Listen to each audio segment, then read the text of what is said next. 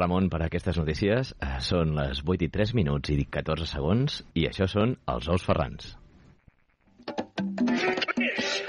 Eso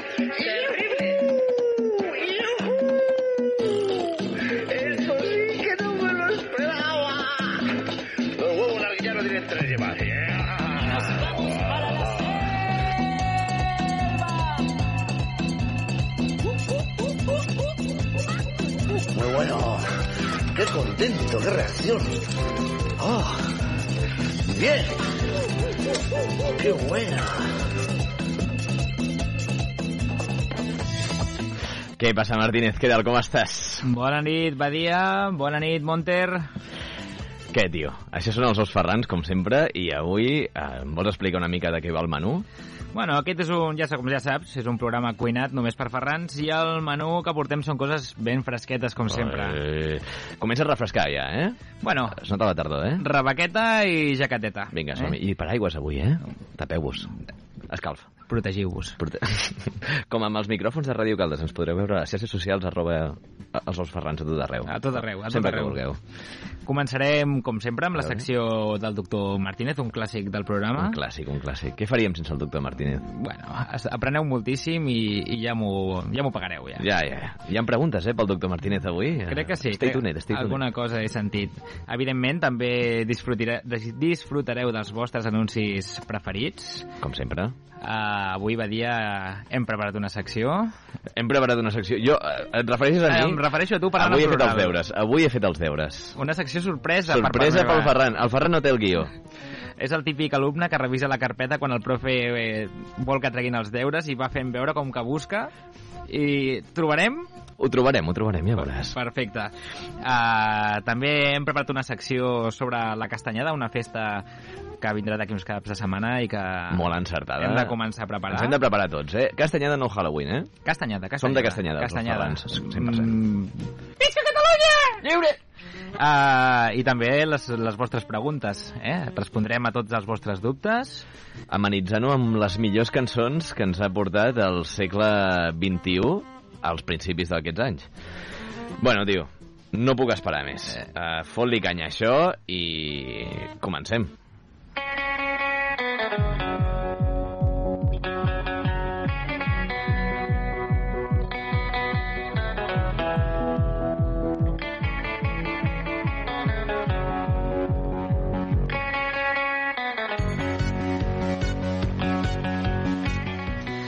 Doncs bé, com cada programa, començarem repassant els fets que van passar un dia com avui, 21 d'octubre. Tal dia com avui. Tal dia com avui, tal dia farà un any. A veure, a veure, a veure, a veure què ens portes, Ferran. Primer de tot, eh, volia fer un petit, un petit parèntesis perquè he descobert una cosa que m'ha sorprès bastant. Com per exemple? Uh, jo, quan preparo aquesta secció, Sí. busco a les fonts uh, més importants, faig una gran cerca bibliogràfica. New York Times, la Superpop... Bueno, bàsicament, jo començo per la Viquipèdia, Ah, d'acord? i- i segurament acabes allà, també, Agafo eh? la Viquipèdia, faig un copiar-pegar i avui he dit vaig a ser més expeditiu i vaig a buscar altres esdeveniments perquè em quedava poc sucós, no? A veure, a veure. I he entrat a una pàgina que és Antena 3 Notícies. Epa, rigoroses. Rigoroses. I llavors posava efemèrides de 21 d'octubre.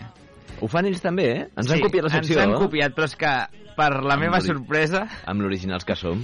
la secció de la pàgina web d'Antena 3 Notícies sobre efemèrides És és boníssima. copiar, pegar exactament de la Viquipèdia en castellà. Ets un autèntic professional dels audiovisuals? És autènticament igual. I de fet, vaig a començar, vaig a començar llegint les notícies perquè si voleu buscar-ho, ho podeu trobar perfectament. La primera amb la que comencen és 1094, el Cid campeador vence a los almorávides en la batalla de Cuarte. Epa! Sigo, el rey Sancho IV y Abu Yusuf Yaquin ibn Abd al-Haq firmen la paz en Espanya. I així seguim i seguim. Però això és Made in Spain. Amb els mateixos parèntesis. Ocu 1638 ocurre la gran tormenta elèctrica, entre parèntesis, The Great Thunderstorm en Inglaterra.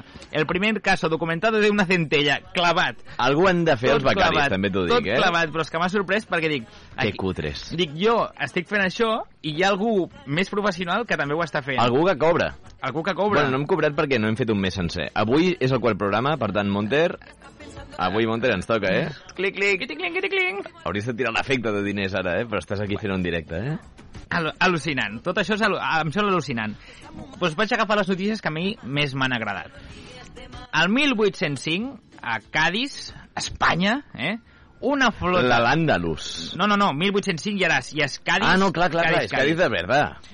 Una flota britànica comandada pel vicealmirante Nelson, ¿vale? va derrotar la flota combinada entre francesos i espanyols en el que s'anomena la batalla de Trafalgar. Aquesta va ser una gran derrota de l'imperi espanyol, Que celebrem, que celebrem que aquí celebrem des d'aquí. avui 21 d'octubre, d'acord? I que va fer que l'imperi britànic fos la millor armada de, del segle XX. L'octubre no sempre són derrotes pels catalans. Exacte. Avui tenim alguna cosa a celebrar. 100%, bueno, mira. I que ahir va guanyar el Barça. Bueno, Però- això vols dir però- que ho hem de celebrar, això? No, no, d'aquesta manera no. Va ser un partit bastant mediocre. Mediocre.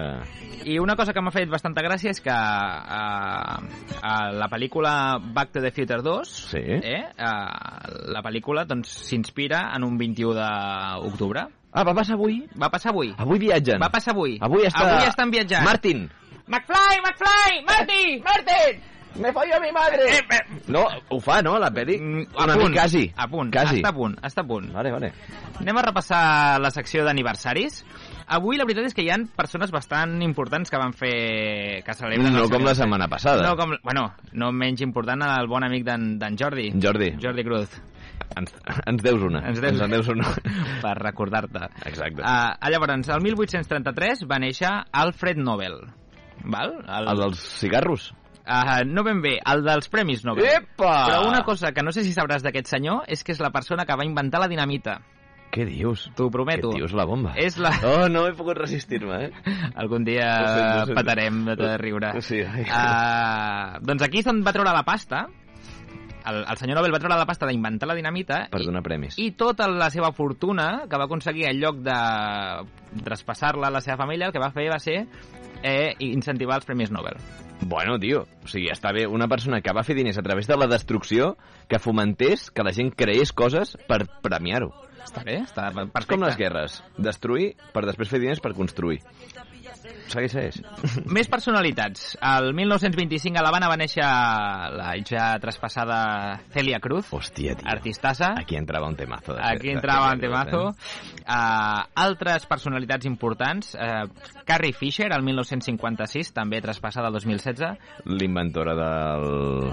de la pesca. Mm, No. La princesa Leia de Star Wars. Epa, hòstia, però està morta però viva. Ja ho No, sé que és no. broma, ja ho sé. Evidentment, no és la inventora, no hi ha un inventor de la pesca. Estan discutint amb el Monter. El Monter m'ha fet pels que- com- Pels que no veieu. Ma que Fuera! cazzo, ma que cazzo. Fuera! Fuera!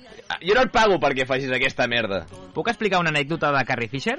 Sisplau. que avui, buscant la secció de coses que van passar un dia com avui, també he trobat, d'acord? I és que Carrie Fisher el que va fer va ser enviar un paquet amb una llengua d'una vaca ficada dintre d'una caixa en un productor que havia abusat d'una amiga seva. Epa. Vale? I li va enviar aquesta caixeta. I amb la caixa hi havia una nota que deia la pròxima cosa que enviaré a algú serà teu i en una caixa molt més petita. Cuidado. ¡Grande, Carrie! ¡Grande! Déu-n'hi-do, Tio. eh? Déu-n'hi-do la princesa Leia com se les gasta, eh? Que sapigueu que això, aquest fet, no significa que ella ara estigui en una caixa i sigui per aquest motiu. Es va morir per causes... No sé què va passar Era una exactament. mica ja... Eh, La fuerza la dejó. Ja no l'acompanyó, eh? I ara dos, eh, jo diria que sex símbols del segle XX que també Ho aquí. també celebren anys. La nostra ben admirada líder processista, eh, el 1958, Pilar Rahola. Home! Moltes felicitats, Home! Pilar. Home, Moltes felicitats. Gràcies. I el 1980, Kim Kardashian, eh, com deia. 80. 1980, Té sí, sí. 41 tacos, aquesta tia? Mm. Bueno, clar, és de plàstic. Aquesta l'enterraran... Encara que siguis de plàstic! Aquesta l'enterraran en un, en un ataúd groc. I ja per acabar, l'últim eh, aniversari cèlebre, en Don Ricard Rubio i Vives, el nostre amic Enrique Rubio. Aquest noi que va començar a ficar triples perquè li van dir confía en ti mismo. Mm. I ell va dir, coño, claro, solo era eso. Eh, never too high, never too low. Let's és go. Seu, és el seu lema. Així que moltes felicitats a, a tots els premiats. Vinga. Passem a la secció de la consulta del doctor Martínez.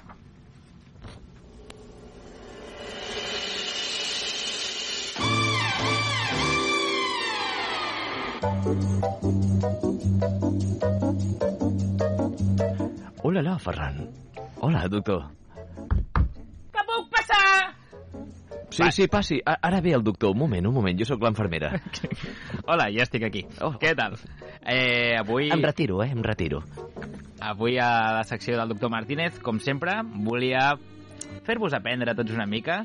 Eh, I avui volia parlar d'un tema que segur que una miqueta, com a mínim, n'haureu sentit a parlar. Bueno, Qui no ha tingut a vegades ardors d'estómac? Qui no s'ha fet alguna vegada alguna gastroscòpia? estic aixecant la mà i el Monter... No. El Monter és un Sí, el Monter també. És perquè, per què no? El Monter ens deixa jugar. Qui no ha sentit parlar sobre úlceres d'estómac o de duodè? Eh? Jo, i no puc esperar per aprofundir, mai més ben dit. Doncs un de, el causant principal d'aquest tipus de patologies intestinals, bueno, estomacals i de duodè, és l'helico- l'Helicobacter pylori, d'acord? Que és una bactèria. Bueno, Fins almenys no és un virus.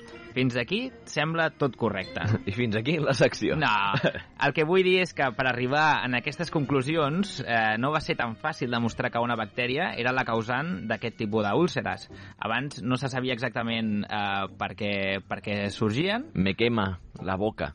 Me, la, aquí en el estómago, Aquí, aquí. en la boca del estómago. Será el demonio. Eh, Llavors, eh, arribar a la, Algo habrás hecho. arribar a la conclusió doncs, que era una bactèria, el que ens va permetre és tractar aquestes úlceres amb antibiòtics i, per tant, arreglar un problema que abans tenia solució quirúrgica. Qui- S'ha- S'havien d'operar la majoria d'úlceres, clar. Ai, La gent no podia veure amb aquest dolor. I amb les ressaques també t'operaven? Uh, amb quines ressaques? No sé, jo tinc ardores quan tinc úlceres. I et prens, i- et prens l'omeprazol, no? Mm, Bueno, intento no, però a vegades sí. Bueno, anem a veure... Descobrirem coses de l'omeprazol? No, de l'omeprazol no. Vale, Descobrirem com es va, eh, com van descobrir l'Helicobacter pylori i per això hem de viatjar a Austràlia amb els metges en Robin Warren i en Barry Marshall.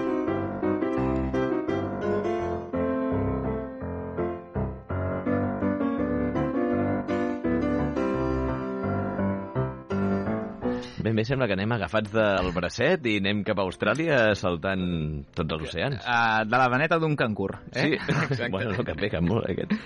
En Warren... Avui he vist un vídeo d'un cangur que té agafat així, fent-li una clau a un gos, i el seu amo allibera el gos i li fot un cate a la cara al, al cangur que es queda pla. No sé, Encara vindran els, eh, els animalistes. els a- petes. No, que es queden allà fumant. Els, els animalistes. Els petes. Peta. Sí? Pe- Petes, di- sí, PETA, és l'associació... Sí, sí, molt ben trobada el nom, vull dir, és com molt descriptiu. Bueno, va, seguim. En Warren va observar el bacteri per primera vegada l'11 de juny de l'any 1972, eh? Fa relativament poc, aquest Mhm. descobriment, d'acord? El dia que era el seu aniversari, feia 42 anys. Fa molt poc. Fa molt poc. Fa, fa molt poc. Molt poc. Abans, o sigui, abans dels anys 80. Un any abans dels 80. Tio. Bueno, bueno. Llavors ell el que va, va ser el primer que va veure en un microscopi, a la, a la mucosa gàstrica, va veure que hi havia aquests bacteris. Que hi havia foc. Hi havia, Flames. Hi havia un, com una, unes bactèries que estaven associades en malalts que s'havien fet endoscòpies i biòpsies amb les, gastritri, amb les gastritis i les úlceres, d'acord? Llavors ell, ell va intentar demostrar que aquest bacteri era el que produïa aquest tipus de patologies. Vale. Però això no era gens fàcil.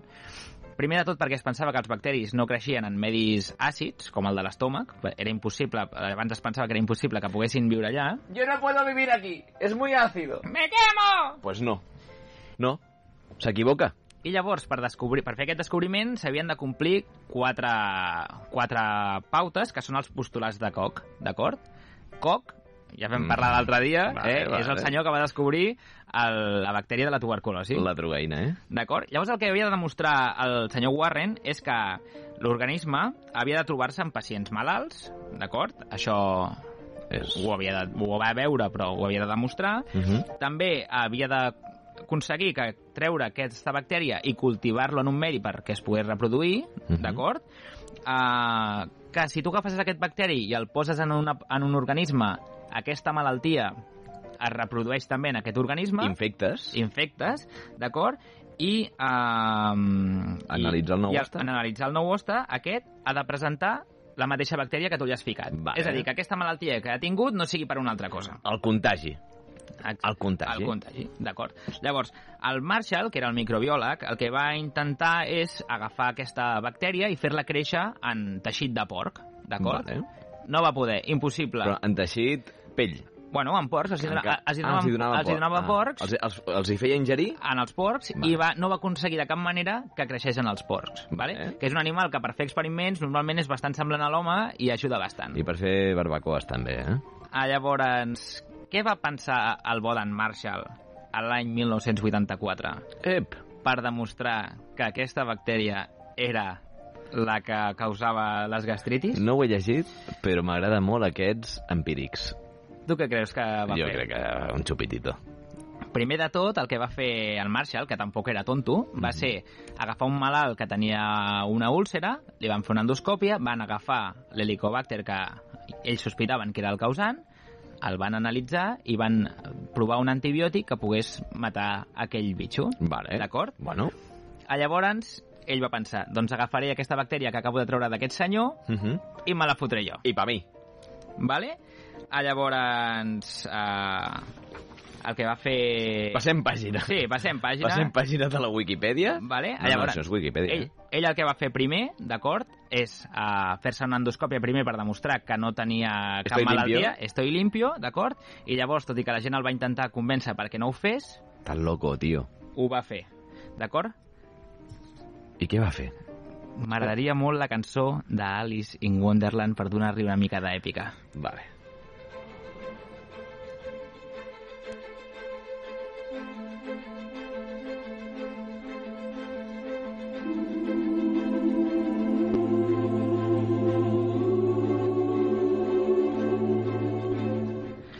En Marshall. Tu, Ho vaig a fer èpic, eh? fes-ho, fes-ho, fes-ho. Et deixo, és el teu moment.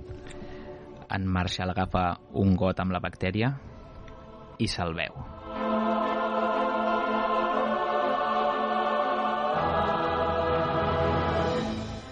Durant els sis primers dies, en Marshall no va tenir cap símptoma. Vida normal.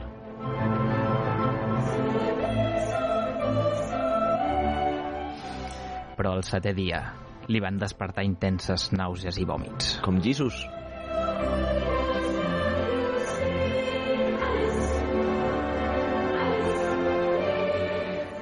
Aquests símptomes van durar durant tres dies més. Tres dies.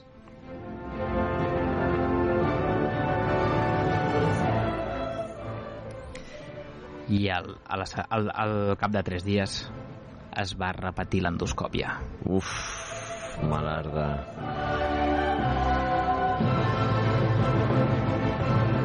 ¡Warren, pero qué tienes!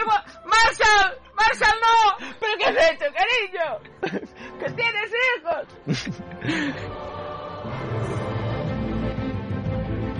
Anem ja, anem ja. Destrossa això ja, Ferran. Quan li van fer l'endoscòpia, efectivament el que van veure és que tenia una gastritis de cavall que va haver d'ingressar a l'hospital. Xunguíssim. Van agafar una biòpsia i efectivament hi havia Helicobacter pylori. ¡Marshall! ¡Aroy! ¡Pionero! ¡Joder! ¡Tus vómitos nos hacen avanzar! Héroe! Això que deies de la dona i els fills, el mateix dia que en Marshall ingressa, li explica a la dona el que va passar. I què diu? La dona va assenyalar els seus quatre fills, li va fer una cara de com de... Bro. Tio, Bro. tio. bueno, tio. És un pioner, És però un eh, pioner. al final és un pare. Llavors el que va fer va, fer va ser fer el tractament i es va curar. Epa! Llavors, amb tota aquesta fantasia heroica que va fer en Marshall, eh, van anar al col·legi de metges a intentar demostrar eh, amb un Lo- article el Lo que... malament que ho havia passat el pobre bueno, xaval. i els resultats que ells Clar, havien clar, tingut, d'acord? Però els resultats, la veritat és que no van ser gaire bons.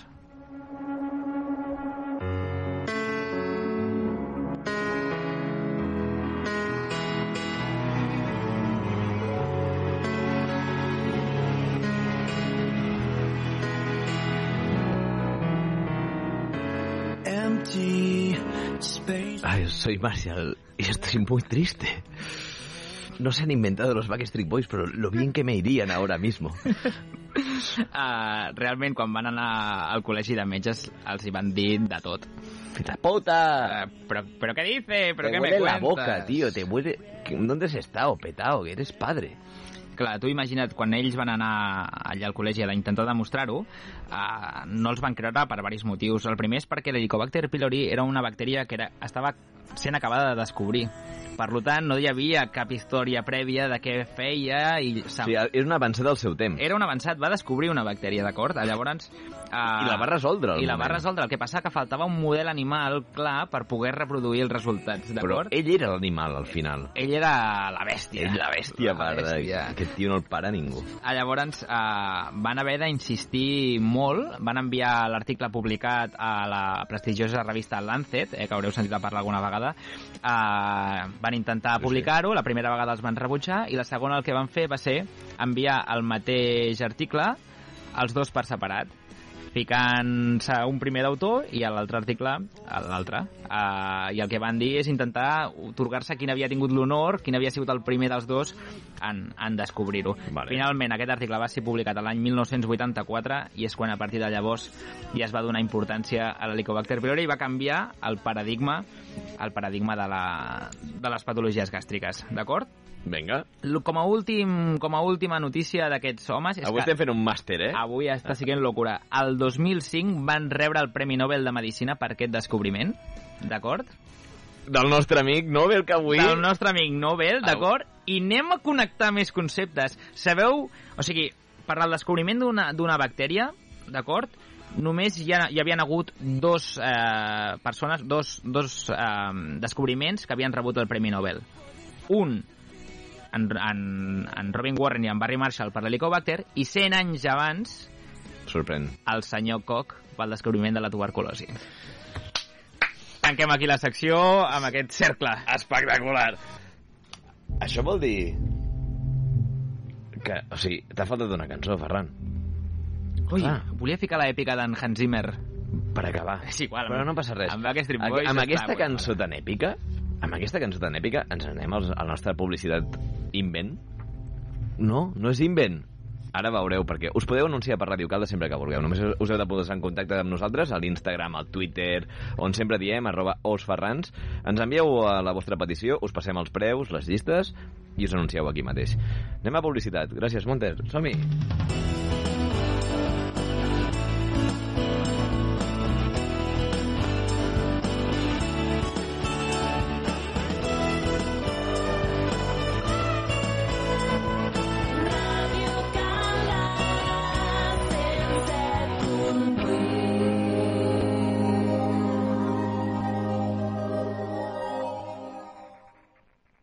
Tio, Ferran, la veritat que se m'han acabat les idees. Jo no sé trobar coses polèmiques i típiques de Caldes per tornar a fer un anunci i només portem tres programes. No sé, la veritat, hem fet, crec que són cinc anuncis i ja no se'ns acut res més. Mm, Estem acabats.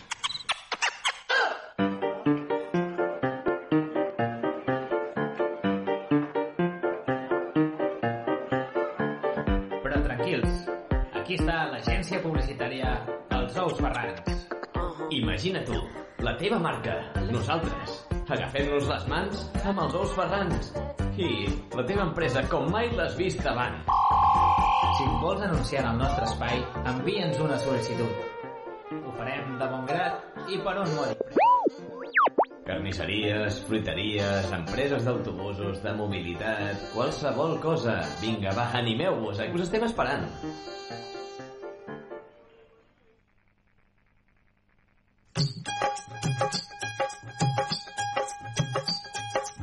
A Caldes obrim un nou restaurant de menjar indi. Caldes de Bombay. Com diu el vell i savi proverbi hindú, lo que pica per dalt, pica per baix. Al nostre restaurant podràs provar les millors varietats de menjar índia, com el lamb tikka masala, el chicken vindaloo, samosas, naan, pollo tandoori, palak paner i moltes altres. Tu saps què són? Perquè nosaltres tampoc. Restaurant hindú Caldes de Bombay. El restaurant més guai.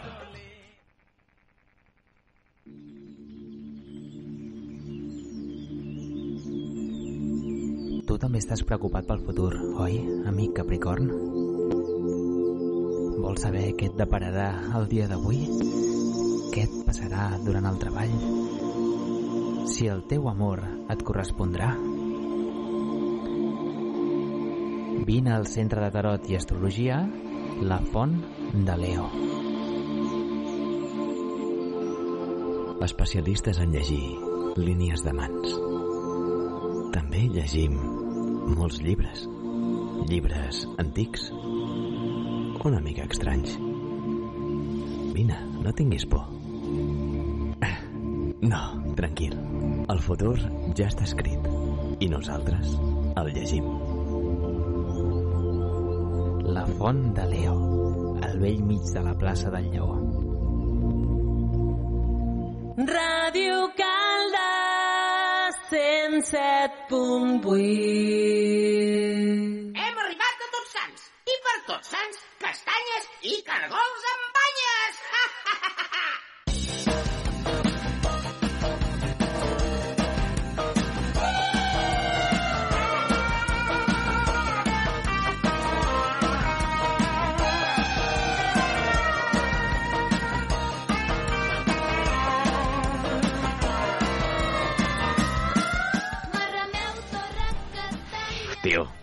o sigui, com molava als anys 90 que feien música rock pels xavals. A veure, rock, a veure, rock molt blanquejat, però...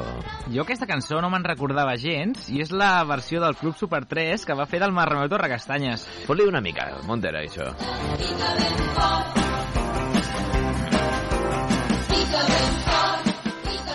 És com si la cançó de anys i anys per molts anys s'hagués menjat tot.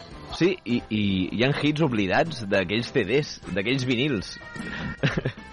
bueno, de què ens vens a parlar, Ferran? Bueno, de la Com- castanyada. Ho hem anticipat i els És- oients ja ho sabien, segur. Una festa catalana que celebra el 31 d'octubre. Sembla una festa molt bonica. Nosaltres sempre... Amb aquesta cançó, que Xula. sembla bonica. Sempre xulegem molt de que... No, Halloween no, Halloween en americano, la muerta... Però la veritat és que no tot és tan bonic i que la castanyada té un origen molt tenebrós.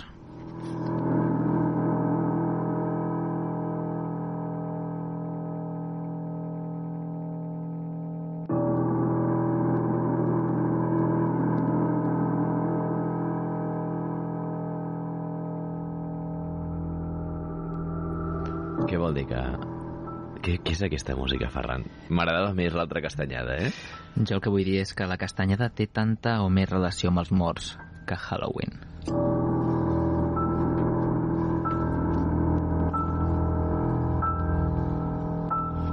Tio, m'estic cagant moltíssim ara mateix, eh?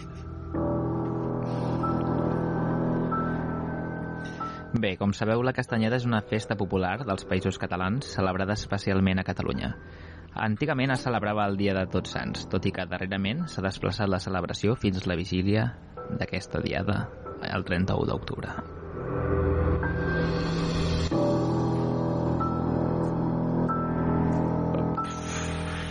Tio, Mama, por! M'he cagat. No sabia si era una, un colom o... bueno, eh, Com el Halloween dels països anglosaxons o el Magosto de terres asturianes i lleoneses, o gallegues. o gallegues també, la castanyada catalana prové d'una antiga festa ritual funerària. És que abans, tio, estaven molt en contacte amb la mort. Tu pensa, un tio de 30 anys era com dir, wow, ha llegat a 100, saps? Sí, sí. I era, com els cotxes, abans arribaven a 30 i era molt, i ara arriben a 100 i, bueno, Jesucrist va arribar als 33, vull dir... fixa't-hi, i era el elegido. Uh, la castanyada consisteix en un àpat on es mengen castanyes, panellets, moniatos i fruita confitada. Això depèn a qui li fa por, també. Digue'm alguna més terrorífic que això. Si estàs fent règim, això és una ratllada. La beguda típica de la castanyada és el moscatell. Bueno, I pels vols d'aquesta celebració, les castanyeres venen al carrer castanyes torrades i calentes. I generalment embolicades en paper de diari. uf, diaris on hi han crims. Crims d'aquests del Carles Porta, que per cert li he donat un, un, un premi Ondas. Em porta? Sí, sí, felicitats, Carles. Merescut, Carles. Carles, Ens estàs escoltant? referent! La castanyada té el seu origen a finals del segle XVIII i deriva dels antics àpats funeraris, en què no se servien altres menjars que no fossin llegums, fruita seca i pans eh, d'oferta als difunts, als funerals, que serien els panellets, d'acord? Uh, L'àpat tenia un sentit simbòlic de comunió amb les ànimes dels difunts. Tot torrant castanyes es resaven les tres parts del rosari pels difunts de la família. Ai. Però això ara, a la castanyada se li, se li diu Ouija, ara, això. O sigui, Vols saber l'origen dels panellets? ¡No!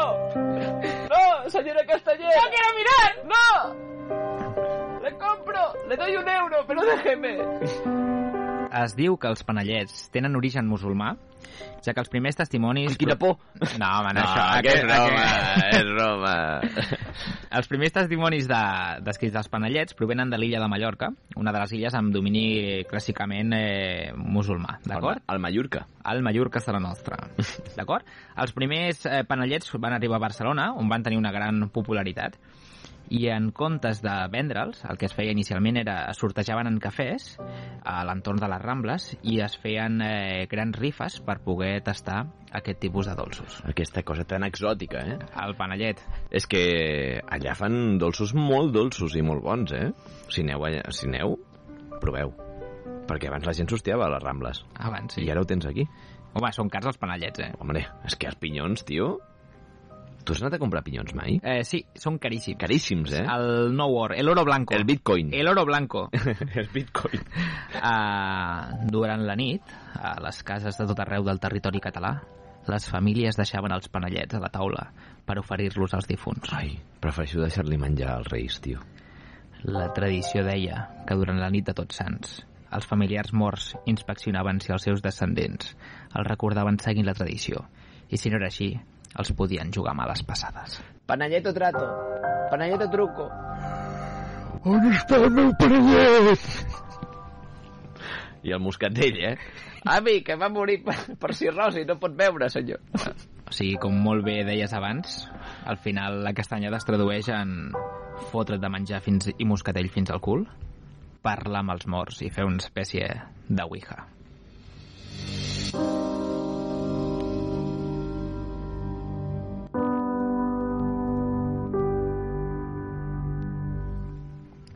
No em diguis que no molen les tradicions catalanes. Home, sí, sí, sí, sí. M'imagino gent molt lúgubre, molt tristona, borratxa.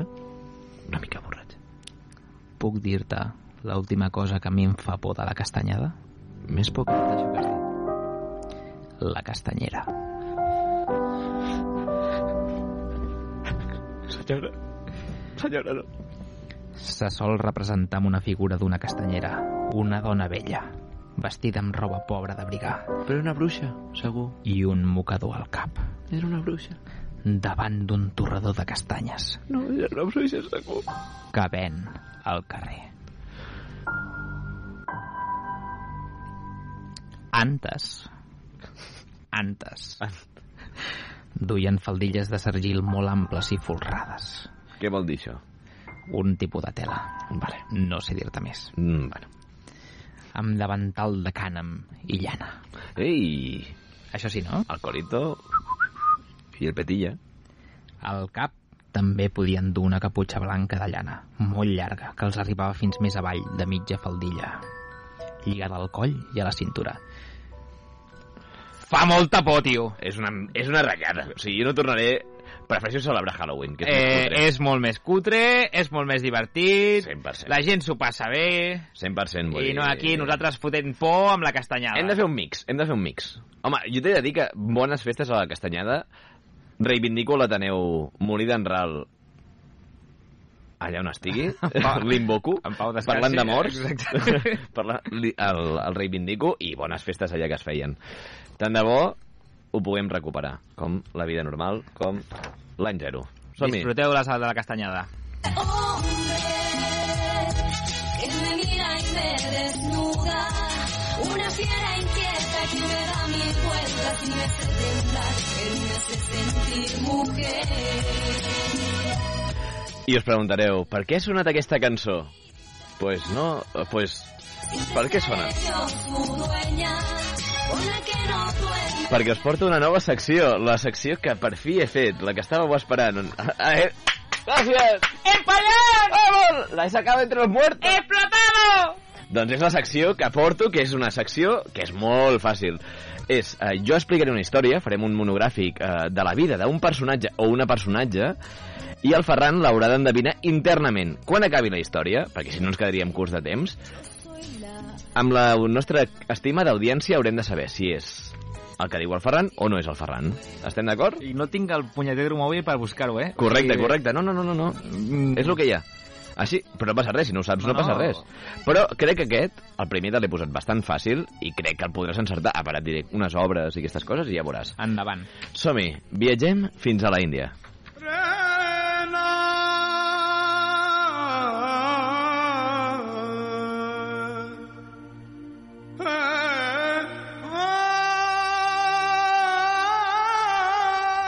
Caldes de Bombay.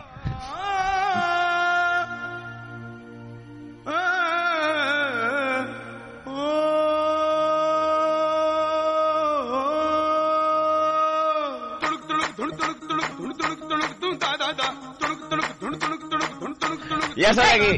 Ja soc aquí! El nostre company, el nostre amic, el nostre nounat, l'agafem a la Índia, com aquí estem escoltant. Va néixer a Motihari, colònia britànica a la Índia, el 25 de juny de 1903. ¡Tengo un nombre! ¡Tengo un nombre! ¡Contemporáneo! I eh, el, el seu era un fill d'una mare birmana, birmana, d'ascendència francesa i pare anglès. Als dos anys, aquest bon jove es va traslladar amb la seva família cap a on? Cap a Anglaterra.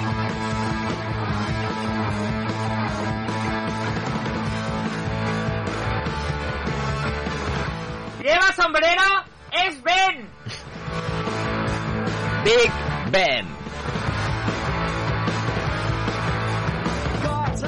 Doncs bueno, aquest xaval, amb dos anys, evidentment que no, va viure la seva temprana edat allà i va començar a estudiar a l'escola eh, dos anys més tard, o sigui, després de començar a estudiar, dos anys més tard va començar a ser recomanat pel director d'una de les seves escoles preparatòries de major renom a Anglaterra per aquells temps, que era ni més ni menys, que segur que la coneixes, Sant Ciprians. No la coneixes? Jo tampoc. Um, on sis no sentia massa còmode, el xaval era com una mica d'aquella manera. I bueno, de cop um, a l'Elton College, a la qual diu, anys més tard, haver sigut relativament feliç. Uh, aquí m'he saltat una cosa perquè està mal retallat, però anem cap a la cançó següent.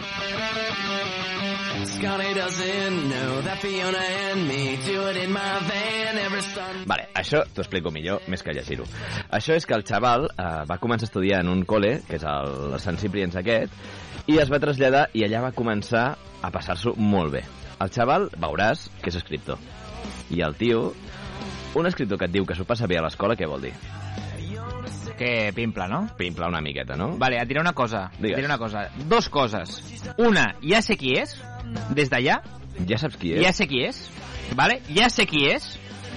Ja sé qui és. Ja saps qui és? Ja sé qui és. Ho pots escriure? Ho escric en un paper. Ho pots Ho escriure? escric en un paper. Escriu que quedi constància. Ho escric en un paper. Vale.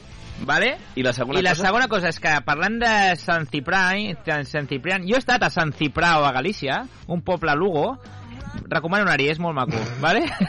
Buen tot el que sé de, Buen- buen pulpo. tot el que sé de Sant Ciprà. Sant, Bueno, Sao Ciprà, Sant Sant Ciprà. Ciprians. Sant Ciprià. Pues és el, això. Vale. Bueno, allà simplement pues, tot el rotllo, no? De que el xaval s'ho passava bé, eh, eh, va fer amistat amb varis futurs intel·lectuals britànics, com Cyril Connolly, editor de la revista Horizon, això ja t'hauria de donar pistes. Horizon. Sí, no sé, sí, eh... Cuarto milenio Nuevo Horizonte. i en la qual se li van publicar molts assajos. A partir del 1922 va servir a la policia imperial de la Índia i va viatjar fins a...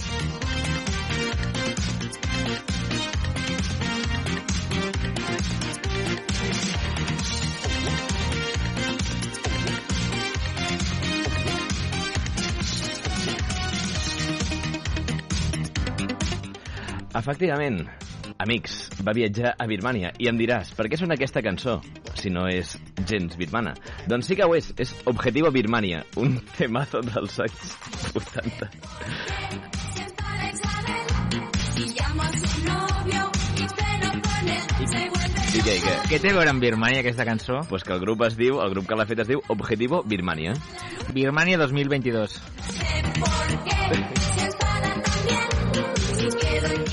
Vale, tenim el nostre company aquí a, a Birmania fent de, pues de, de policia imperial, no? Aquí va estar-hi fins al 1927 i aleshores va tornar a Anglaterra eh, pretenent-se guanyar la vida com a periodista i escriptor. Per veure, per veure que m'he avançat, et puc fer una pregunta sobre el personatge? Sí? Va lluitar a la Guerra Civil? Viatgem fins a Barcelona.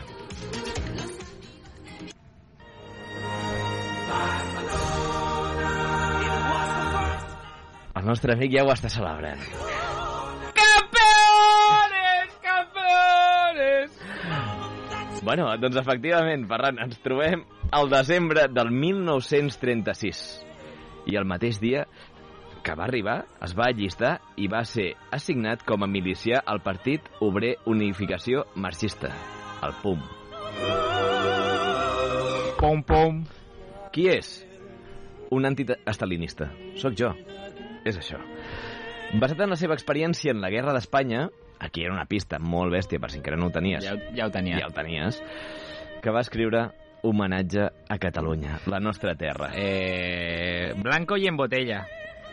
I ara un incís, un petit incís perquè no és sobre todo lo que reluce, eh? Ho llegeixo en castellà perquè és d'on ho he copiat. La admiración de nuestro personaje por aquella revolución libertaria duró unos meses, concretamente hasta los suce- sucesos de mayo de 1937.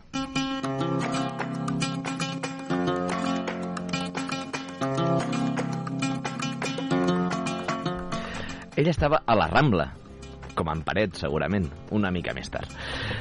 I allà a la Rambla, eh, que va ser... Eh, bueno, ho en castellà, i ara seguim. La Rambla fue el escenario en el que Pearson...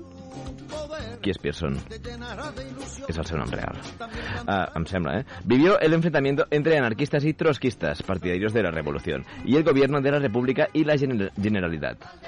En este contexto, se encerró tres días y tres noches en el te- Teatro Poliora- Poliorama para defender la sede del PUM, justo enfrente. Pese a la tensión del momento, lo recuerda como uno de los momentos más aburridos de Barcelona. O sigui, el xaval va venir aquí a lluitar, va estar en plan... Què està passant? Guerra civil, vull matar fatxes, no sé què, i el tio es troba a les Rambles, tancat en un lloc en plan... Què sóc? Un... Un pobre universitari que es tanca en el rectorat per evitar quatre, quatre, coses. Ell va anar al front d'Aragó, vale? És que Va anar, estàs avançant, estàs parlant del futur. va anar al front d'Aragó i, a més a més, el tio, quan va arribar a Barcelona, una de les coses del llibre que m'he llegit, Sí? eh, el que es queixa és que les armes que, amb les que havien de lluitar, les pistoles que els hi donaven, eren del 1800 i pico. Clar. O sigui, eren autèntiques eh, deixalles, Relíquies. relíquies, exacte. Ara, abans eren Llavors, deixalles. ell fa molta gràcia com defineix Barcelona quan, quan hi és i, i la, la situació en què es troba, que és precària. És lamentable. Bueno, pues amb tot això ens trobem, com bé has dit, que va anar a Oscar, xa, el xaval li van fotre un tret al coll. I es va quedar greument ferit, se'n va anar al Marroc a fer-ne la recuperació i després de la qual va tornar a Anglaterra el juny del 1944. Amb la seva dona Eileen va adoptar un fill, un nadó de 3 setmanes, a qui va donar el nom de Richard. Some things in life are bad. They can really make you mad. Other things just make you swear and curse. When you're chewing on life's gristle, don't grumble. Give a whistle. And this'll help things turn out for the best. And always look on the bright side of life. Doncs efectivament, efectivament, ens plantem a Anglaterra el seu quasi últim destí. No sé si va anar de vacances, podia obviat el tema Benidorm i aquestes coses, però després de, de venir a Barna i tornar cap allà, anar a Marroc i curar-se i tot això, durant la Segona Guerra Mundial fou membre de la Home Guard i va col·laborar activament amb la BBC i en el, i en el diari Tribune. I va acabar morint a Londres el 21, feliçment, casat.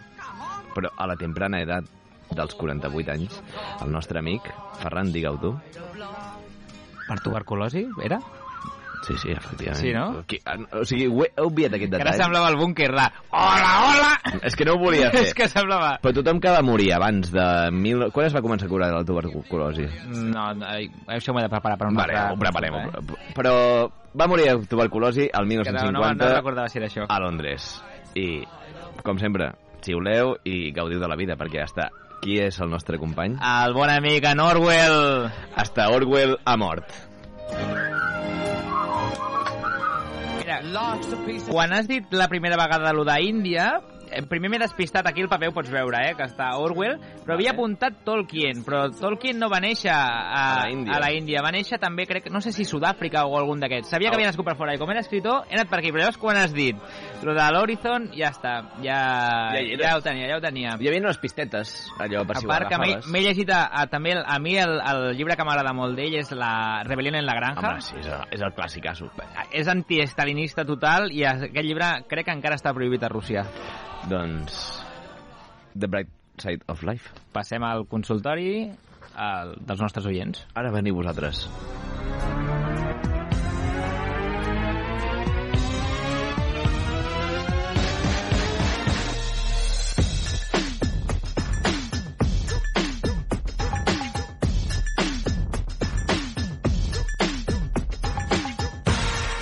Però bueno, però bueno, què porteu avui? Què us fa dubtar? Vols que els fiquem ja? Vinga, tu ja vinga. estàs en plan... Jo ja he encertat tot, ja he encertat tot, tio. Tu ja estàs a tornada, tio, me la suda. tot, és Però que- fixa't, ens queden encara què? Quan, quan ens queda, Monder? 10 minuts. Per favor, o sigui, podríem deixar aquesta cançó sencera? No sé. La voleu escoltar una miqueta? És que la gent balla quan escolta això. Vale,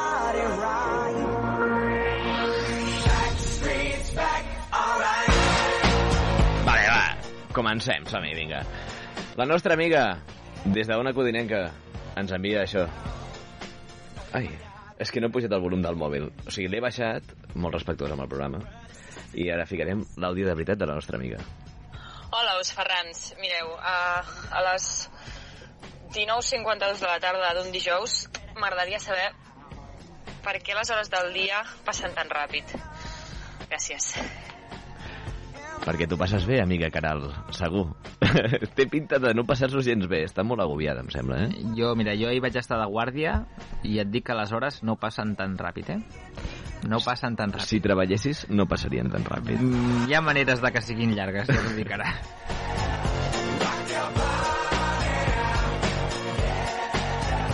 No, però... Per què passen tan llargues? Perquè fas moltes coses, perquè estàs concentrat i tens moltes coses i vas seqüenciant el dia i cada hora té molta importància. Estàs exprimint el temps. Mm, jo crec que és una cosa més biològica. Tu no recordes de petit que els dies, el que passava en un matí al col·le, Buh, era com si fos un camp de l'Oliver i Benji que cada no hora era un dia. Doncs això ens passa amb l'edat. A mesura que et fas gran, No. la sensació, la percepció del temps se'ns escurça. Per Ja què? està, Eh, ja està, ja t'ho he explicat, eh? ja t'ho he explicat. Caral, ens fem grans. Ho sento.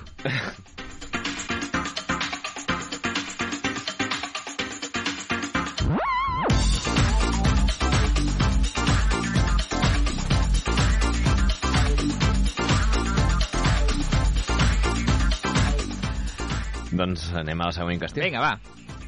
Hola, Ferrans. Jo tinc dues preguntes. Una, per què quan s'acaba el rotllo de paper de vàter sempre sóc jo qui l'ha de canviar? Dues, per què poden haver-hi en una casa quatre ampolles d'aigua mig buides i ningú és capaç de reomplir-les en, sol, en una sola i llançar les altres tres? Espero que doneu una bona resposta. Moltes gràcies. Això, això sona a retret. Bueno, eh, mama, per al·lusions. jo ja fa uns anys que no visc a casa, però la veritat, eh, hi ha una constitució per aquí.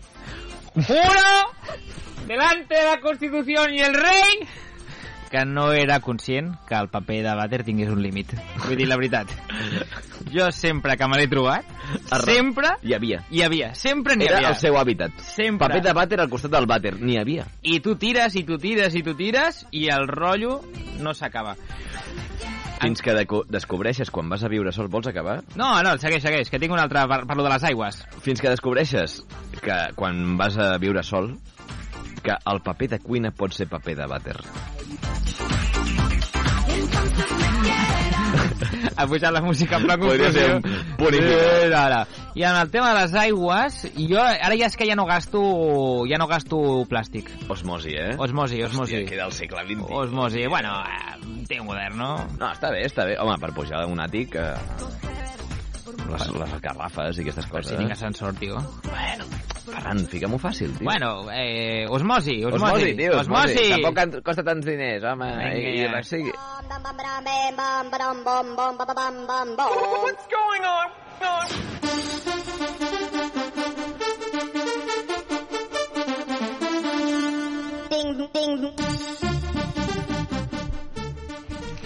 Bona nit, Ferrans.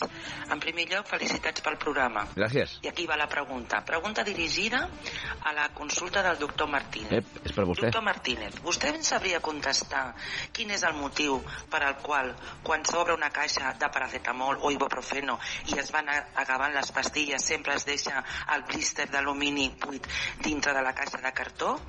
Moltes gràcies. Bueno, avui sembla que tenim reivindicacions de mares. Que es porten eh, bastant... Però tens dues mares? No, no, de mares Ah, la gent ah, del grup. ah, ah. La mare del Marc i la mare del, del Sergi, home. Ah, són dues mares diferents? Home, sí. Però No són les teves mares, No, eh? la, com és que... No, home, no. Pensava que era la teva mare una. La meva mare ha sigut la primera. Ah. Segona, la mare del Sergi i del Marc. Vale, vale, vale. vale. No són... Vale, vale, vale.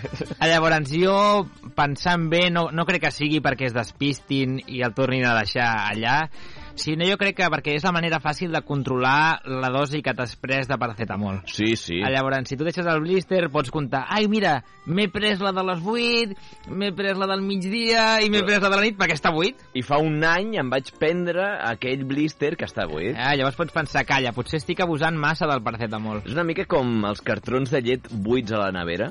Ah, no gasto llet, no gasto llet. Bueno, ai, Ferran. No gasto, eh, no gasto.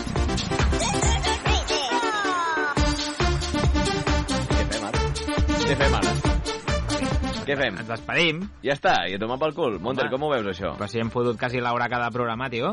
Que, que sí, que sí, que està molt bé. Vull dir, Ja està, què vols que seguim xerrant aquí? Una reivindicació. Ramon, fes butlletins una mica més llargs, així ens estalvies feina. Jo el que, el que vull, sí que vull remarcar és que trobo que ens agradaria moltíssim que ens enviéssiu més àudios, Sí. que participéssiu més a les nostres xarxes. No, o sigui, no és un retret, no és no esteu participant No, no, per és, favor, volem ens, més. Ens encanta. Volem més. Els programes que tenim 5, 5 notes, 6 notes, ho agraïm tantíssim. I si heu arribat a 56 minuts de, de podcast, què menys que enviar un àudio, amics. I si heu arribat al quart programa ha mèrit aquí, eh? i en directe.